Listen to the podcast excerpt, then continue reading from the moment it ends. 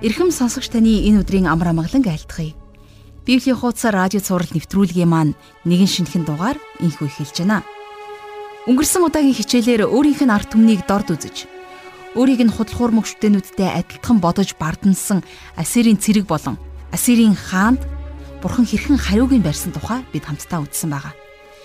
Тухайн үед Иерусалим хотын иргэн тойрон 185 мянган цэрэг бүсэлсэн байх үед хотын энгийн иргэд юу бодож байсан бол дээвэр дээрээсээ тагтааны баас ховхлон идэж байсан ядуу хүмүүс тэр үед юу бодож байсан болоо. Харин үнэндээ тэд бодох биш. Өөрсдийгөө хинбэ гэдгийг ямар бурханд харьяалагддаг гэдгээ санах хэрэгтэй байсан. Тэгэхээр монголчууд бид өөрсдийгөө хинбэ гэдгийг мартах болгондоо хоорондоо эвдрэлцэж бусдын олз болж ирсэн. Исая ном хэдийгээр Израильчуудын түүхийг өгүүлж байгаа мэт боловч энэ номоос үе үеийн дэлхий дахны олон агуу удирдагч сургамж авч өөрийн арт түмнийг хүнд байдлаас гаргаж авсан түүхтэй. Тэгвэл Библийн сургаалт өгс номонд удирдагчаас илүү бурханд түшсэн дээрэ гэж бичин үлдээсэн байдаг. Ингээд хамтдаа өнөөдрийн шинэ хичээлдээ орцгоё. Бурханд энэ цагийг өргөж хамтдаа залбирцгаая. Бурхан Аава, таньда энэ цагийн төлөө талархал өргөн залбирч байна. Таны үгийг судалж, таныг улам илүүгээр таньж мэдхийг бид хүсэмжлэн залбирч байна. Бидний амьдрал тохиолдог альбаа сайн болоод муу бүхий л үйл явдлуудыг бид таны нүдээр харж таны бурханлаг байдлаар шийддэг бүхий л асуудлаа зөвхөн таны өмнө авчирдаг хүмүүс болгон бидийг өөрчлөн шинчлээч. Та өөрийнхөө үгээр дамжуулан биднийг ингэж өөрчлөн шинчлээч.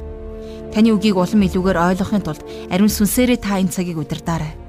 Бүх зүйлийг таны моторт өргөж эзэн Есүсийн нэрээр залбирanгуйлаа. Амен. Ингээд хамтдаа жаргалах шиг хичээлд анхаарлаа хандуулцгаая.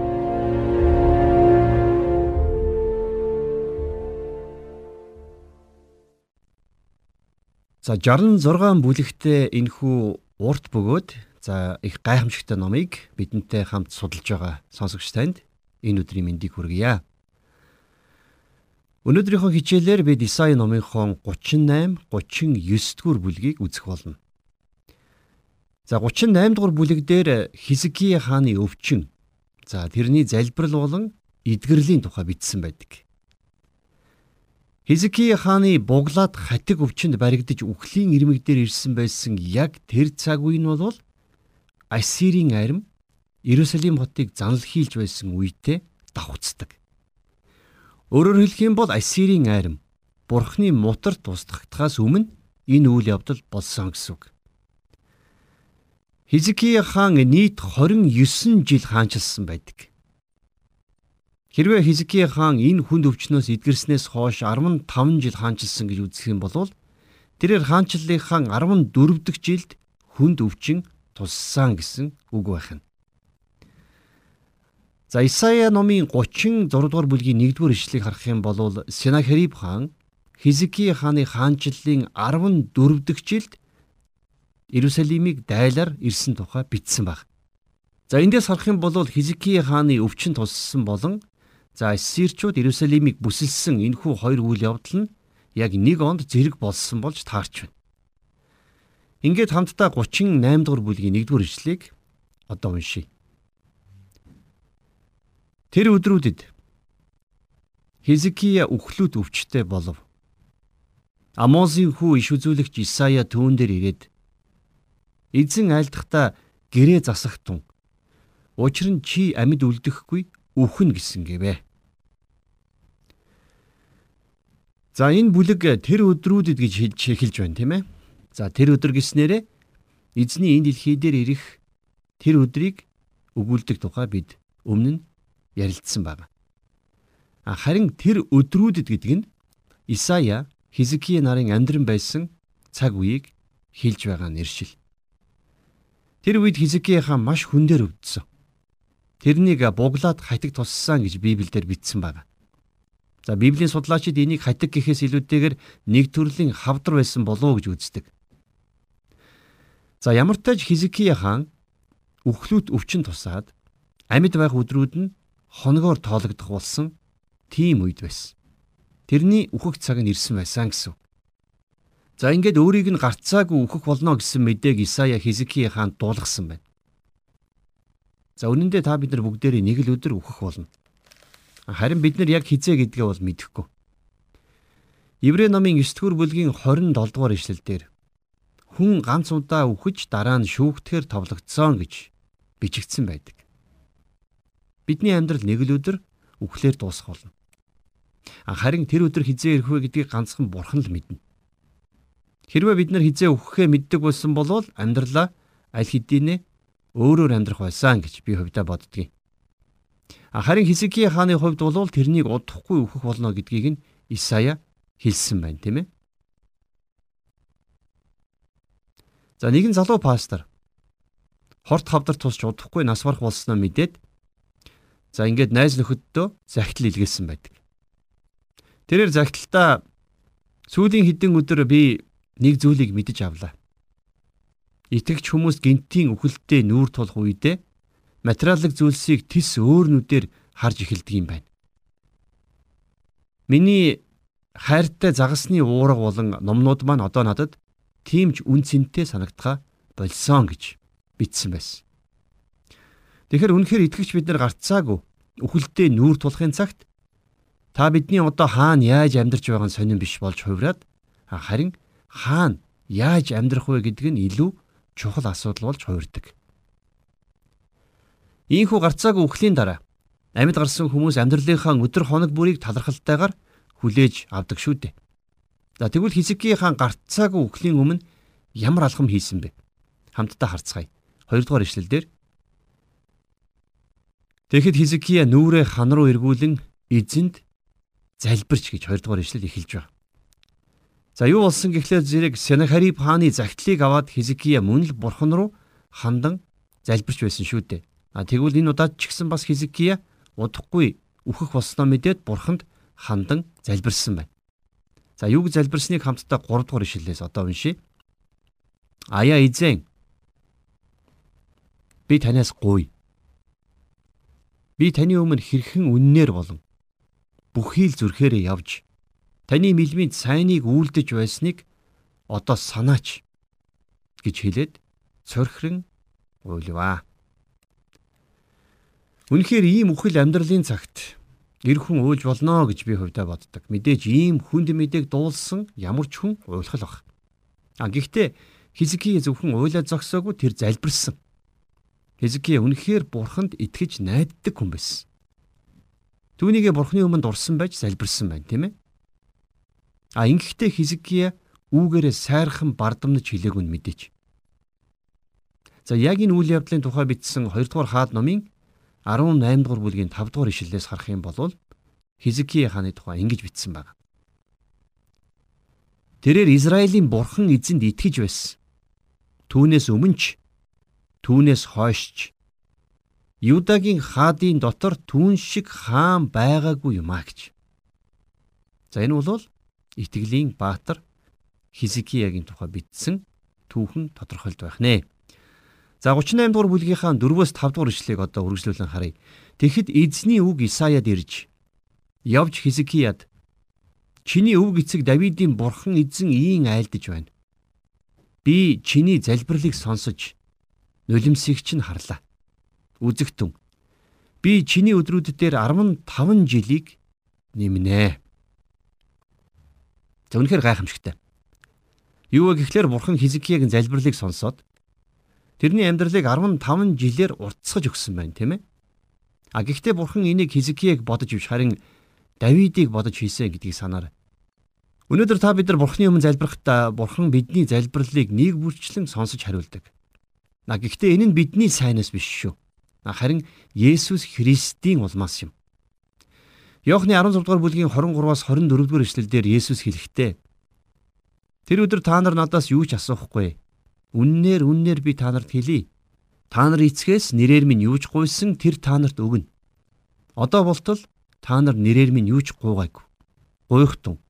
Баяр баясгалан чинь дүүрэн болохын тулд та нар хүлээн авнаа гэж хэлсэн байдаг шүү дээ. Үнэхээр та бид нар Бурхан эцгийнхээ өмнө Есүс Христийн нэрээр хизээд залбирч болно. Христийн нэрээр залбирна гэдэг та Христийн дотор байж түүний хүслийн дагуу залбирч байна гэсэн санааг агуулж байдаг. Есүсийн нэрээр залбирна гэдэг нь бидний биш харин Христийн хүсэл биелээсээ хэмээн хүсэж байгаагийн илэрхийлэл болдог. Тийм учраас бидний залбирлын хариуд Бурхан тухайн хүнийг эдгэх хэсэг нь биднээс биш. Харин Бурханы өөрийн хүслээс хамаардаг гэдгийг бид нар мартаж болохгүй. 6 дугаар ишлэлийг харъя. Би чамайг болон энэ хотыг Ассирийн хааны гараас аварна. Би энэ хотыг хамгаална гэсэн гэж хэл. За эндээс харах юм бол бурхан Хизкияг зөвхөн үхлээс авраа зогсохгүй. За дээрэс нь Иерусалим хотыг Ассирийн гараас аврах болно гэдгийг хэлсэн байна, тийм ээ. Бурхан та бидний гуйлт залбиралд хариулах үед бид нар бурхныхаа өмнө дахин очиж өөр гуйлт залбиралыг өргөх урам зориг дандаа авч байдаг. 7-оос 8 дугаар ишлэл. Эзэн амлснаа биелүүлнэ. Эзэн энэ тэмдгийг чамд үзүүлнэ. Үзэгтэн. Би Ахазын шатан дээгүр өнгөрсөн нарны сүудрийг 10 алхмаар ухраана гэв. Тэгэхэд шатан дээгүр өнгөрсөн нар 10 алхмаар буцваа. За энэ их сонирхолтой. Юу вэ гэхээр бурхан Хизкигийн залбиралд хариулах болно гэдгээ баталж тэрэнд тэмдэг өгсөн болохыг энд их тодорхой бичжээ. За тэгэхээр энд гарч байгаа Ахазын шат гэдгийг зарим орчуулган дээр Ахазын нарны цаг гэж орчуулсан байдаг. За дээр үед бол нарны цагийг газарт зоогоод туссан сүүдрээр нь цагийн баримжааг мэддэг байсныг та бид нар мэднэ тийм ээ. За ямар ч тач бурхан нарны гэрлийн сүүдрийг ухрааж Хизкияд гайхамшигтай тэмдэг өгсөн байна. За энэхүү гайхамшигтай ивэлийг хүрдсэн Хизкия баярлан бурхныг хэрхэн яаж магтан алдаршуулсан тухай дараачийн ишлүүдээр гарна хамтдаа 9 дугаар ишлэгийг харъя. Юдагийн хаан Хизкия өвчлөөд Илашарсны дараах бичиг гэсэн баг. За тэгэхээр 38 дугаар бүлгийн 10-аас 20 дугаар ишлэлдэр бол Хизкиягийн талархал магтаалын дуулал байгаа. За бас энэ дуулалтай утга агуулгын хувьд төстэй дуулал дуулал номын 116 дугаар бүлэг дээр Хизкия хаан тэр үедээ зохиосон гэж үздэг. Хамтдаа одоо 20 дугаар ишлэгийг харъя. Эзэн намайг заавал аварна. Тэгээд амьдралынхаа бүх өдрүүдэд эзний өргөнд бид чавхтаст хөгжмөр тоглоно гэсэн байна. Өөрийнх нь залбирал бурхан хариулж амьдралын он жилүүдийг нэмж өгснийхэн төлөө Хизкия маш их баярлжээ. Тэгээд энд гарч байгаа магтаалык Хизкия өөрөө зохиож магтан дуу болгож дуулсан байна. А гэхдээ харамсалтай нь Энэ бүхний дараа Хизкия ихэмсэг бардам болсон байдаг. 2 дугаар шаштар номын 32 дугаар бүлгийн 25 дугаар ишлэлдэр харин Хизкия хүлээж авсан ашгаасаа буцааж өгсөнгүй. Учир нь түүний зүрх бардам болжээ. Иймээс уур хилэн түүн дээр болон Юда Иерусалимийн дээр буваа гэж бичсэн байна. За энэ бүхнээс харах юм бол Хизкие бурхнаас ам гуйж амьдралаа 15 жилээр сонгуулсан нь эргээд тэрэнд сөргөөр нөлөөлсөн байна. Тэрээр их хэрхэг бардан болсон. Үнэхээр бид нар ч гэсэн бас Хизкияг энэ түүхийг мартаж болохгүй. Бид нар бурхнаас асар их ивэл өрөөлийг хүртээд бардан болох юм бол нь тэр ивэлийг хүртээгүй байх үеэс ч дор байдалд биднийг хүргэнэ гэдгийг санах хэрэгтэй. За нөгөө талаасаа бол Хизкия хүнд өвчин туссан байх үедээ нас барсан байсан болвол байдал арай илүү дээр байх байжээ гэсэн бодлыг өөр нэгэн баримт баталдаг юм а. Хизкия хааны дараа хаан болсон тэрний хүү Манасан хаан болохдоо 12 настай байсан гэдэг. За өөрөөр хэлэх юм бол Манасан Хизкияг хүнд өвчин тусснаас хойно төрсөн гэсэн үг байгааз. Харин Хизкиягийн хүү Манасан хойд Израиль өмнөд Юдагийн түүхэнд хамгийн аимшигтай хорон муу хаан болсон юм. Манасен Ахаз Изабел хоёрыг нийлүүлснээс ч дор хам байсан. Тэгэхээр Исаи номын 39 дугаар бүлэгдэр Хизкия хэрхэн мунхаг алхмуудыг хийсэн тухай илүү тодорхой гардаг. Эргээд Хизкияг бурхан эдгээсэн тухай түүх рүү очие л доо. Бурхан Хизкияг яаж эдгээсэн бэ? Исаи түүний төлөө залбирч өгсөн үү? Эсвэл Исаи Хизкия дээр гар тавин тэрнийг унтлан залбирсан уу? Үгүй ээ. Харин Исаия яг юу хийснийг хамтдаа 21 дугаар ишлэлээс харъя. Тэгээд Исая Тэд зүсэн минжир авч буглаад хатган дээр нь тавьбал тэр идэгнэ гэж хэлвэ. За эндээс харах юм бол Исая яг л Яаковын хэлсэн үгсийн дагуу зүйлсийг хийсэн байна. За шинэ гэрээний Яаковын бичсэн захидлын 5 дугаар бүлгийн 14 дугаар эшлэлдэр нэг ийм ишлэл байдаг. Та санаж байна уу? Та нарын дунд хин нэг нөвчтэй байна уу? Тэр нь чуулганы ахлагчдыг дуудаг. Тэд эзний нэрээр түүнийг тосоор тосолж түүний төлөө залбирх гэсэн байдаг тийм ээ. За тэгвэл энд гарч байгаа тосоор тослох асуудал бол ямар нэгэн шашны зан үйл биш ээ. Харин имчилгээний зорилготой үйлдэл. Тосоор тослоно гэдэг нь одоогийнхоор бол сайн им уух гэж хөрвүүлж ойлгож болохоор байна. А гэхдээ ингэж зогсохгүй өвчтөе хүмүүсийн төлөө залбирах хэрэгтэй. Исаигийн энэ үйлдэл болон Яаковын үгсээр дамжуулаад Бурхан нэгэн адил санааг илэрхийлж байдаг. Та хэрвээ өвдсөн бол залбир. За бас эмчид үзүүл. Бурхан биднийг аливаа зүйлд эрүүл сарвал ухаантай байгаасаа гэж хүсдэгэ гэдгийг бид нар мартаж болохгүй. За үргэлжлүүлээд Исаи номынхон дараачийн бүлэг рүү оръё. Тэгэхээр Исаи номын энэ хэсэг дээрээс эсрэг талын гол дүр Ассир байха болж харин Вавилон гэдэг агуу хүчрэхэг улс үндийн босч ирдэг. За тухайн үедээ бол Вавилон нь Ефрат мөрний дэрэгдэх их дорой буурай хот улс байсан. А гэхдээ төд удалгүй тэд нэр хүчрхэгжин Ассирийг мөхөөсөн байдаг. За мөн Вавилончууд өмнөд Юда улсыг мөхөөгөөд Иерусалимыг газрын хөрсдөд тэгшилж улмаар хүн ардыг нь цөллөгт авч явсан байдаг. Тийм учраас энэ бүлэг нилээд чухал бүлэг болох нэ. За нөгөө талаасаа бол Хизкия хаан энд нэгэн ухаангүй муухаг үйлдэл хийсэн тухай 39 дугаар бүлэг дээр бас гарна. За хамтдаа 39 дугаар бүлгийнхээ 1 дугаар ишлэлийг одоо уншийе. Тэр үед түүнийг өвчтэй байж байгаад идэгснийг дуулаад Вавилоны хаан Баладаны хүү Биродах Баладан Хизкияд захидал ба бэлэг илгээв. За их тодорхой байна тийм ээ. Хизкий хааныг эдгэрснийг сонсоод за Вавилоны хаан Баладан Хизкияд захидал бэлэг илгээсэн байна. За энэ хаан бол Вавилоны хаадын дундаас тийм ч хүчрэхэг хаан байгаагүй. А гэхдээ тэрний нэрний цаана маш гүн гүнзгий утга агуулгадж байсан. Бирадах гэдэг нь эсэргүүцэгч гэсэн утгатай нэр бол Баладан гэдэг нь бурхнаас ангид тусдаа гэсэн утгатай нэр. За магадгүй энэ нэр танд нэгийг бодогдуулж байгаа хаа гэж би бодож байна. Ингээд Вавилоны хаан Бирадах Баладаны захидал болон бэлгийг тэрний илч төлөөлөгч нар авчирч өгсөн байдаг. За энэ загтлыг хүлээж аваад Хизкия хагартлаа баярлсан.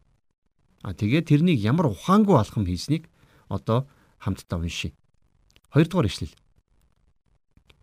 Хизкия тэднийг хүлээн авч тэдэнд өөрийн бүх эрдэнсийн сан, мөнгө, алт, англан үнэртэн, үнэт тос, зевскийн агуулга болон өөрийн бүх агуулгад байсан бүгдийг үзүүлв.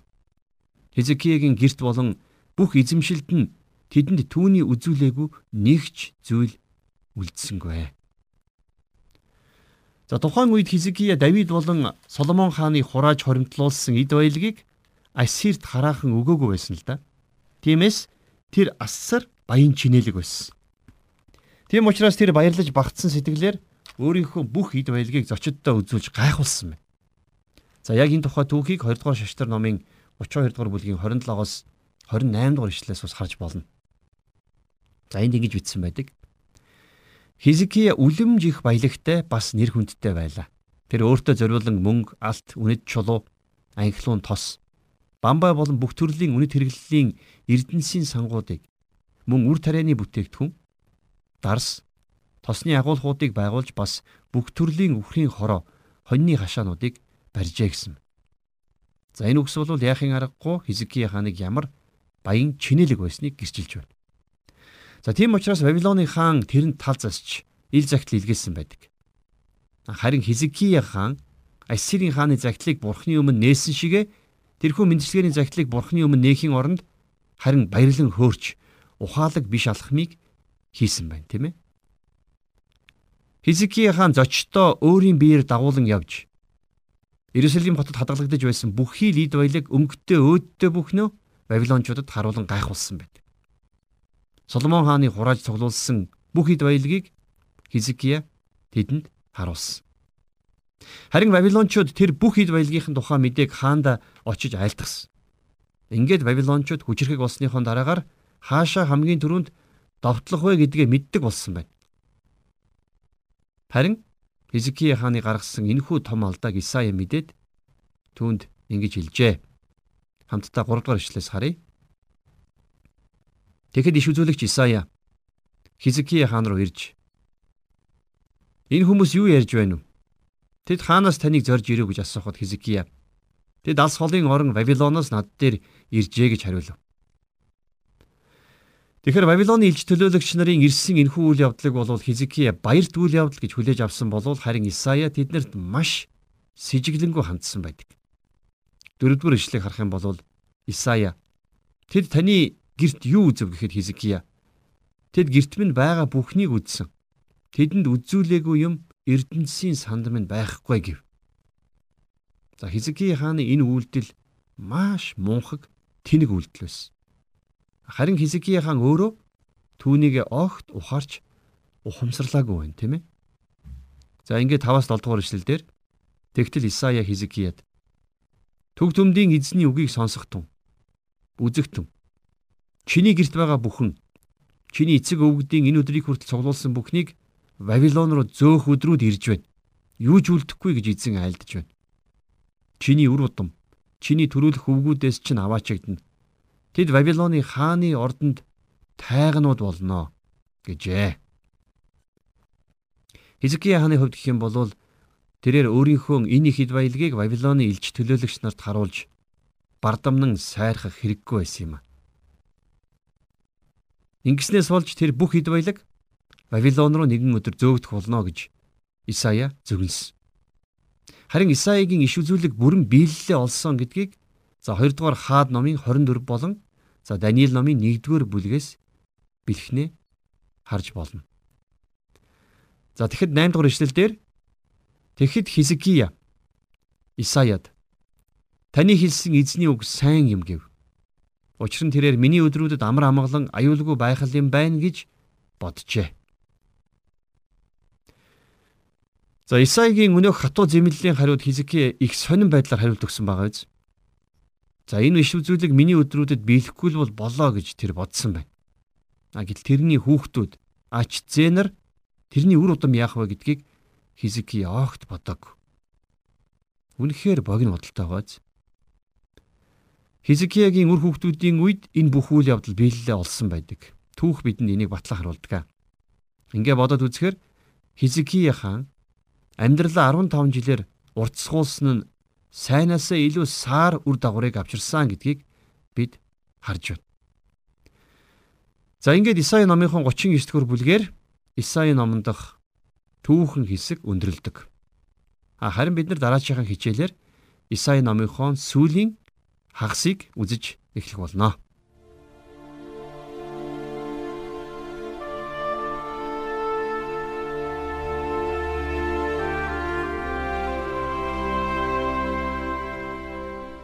Тэгэхээр өнөөдрийн хичээл үнэхээр ивэлтэй сайхан цаг байлаа.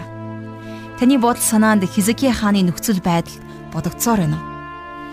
Хизкия хаан өглүүд өвчин туссан үедээ бурханд чин сэтгэлээсээ залбирх үед бурхан түүнийг эдгээсэн. Ингэхдээ эмийн урмал ашиглан эдгээсэн байдаг. Үүний нэгэн адил бид ч гэсэн альва хүнд өвчин туссан үедээ юуны төрөнд бурханд хандан залбираад дараа нь хамгийн сайн эмчит хандхан зүйтэй.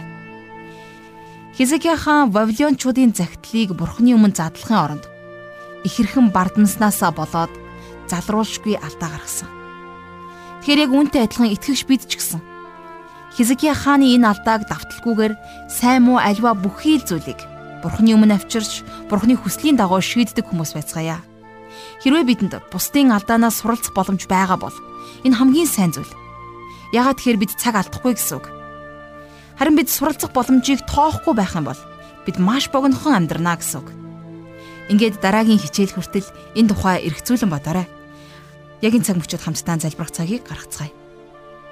Бурхан Аава, таньда өнөөдрийн хичээлийн төлөө талархал өргөн залбирч байна. Бид итгэлийн амьдралдаа үргэлж танд итгэж, таны хүсэл тааллыг эрэлхийлэн амьдрахыг хүсэж байна. Бид итгэлийн амьдралдаа Хизекия хааны гаргасан алдааг давталгүйгээр таны өмнө ухаалаг шийдвэр гарган амьдрахыг хүсэж байна Та биднийг амьдралдаа тохиолдсон саад дотгор өвчин зовлон бүхий л асуудлаа зөвхөн таны өмнө авчирдаг хүмүүс болгон өөрчлөн шинчлээрэй. Таны ариун сүнс бидний алхам бүрийг чиглүүлэн хөтлөх болтугай. Бүх зүйлийг танд өргөж эзэн Есүсийн нэрээр залбирanгуйлаа. Амен.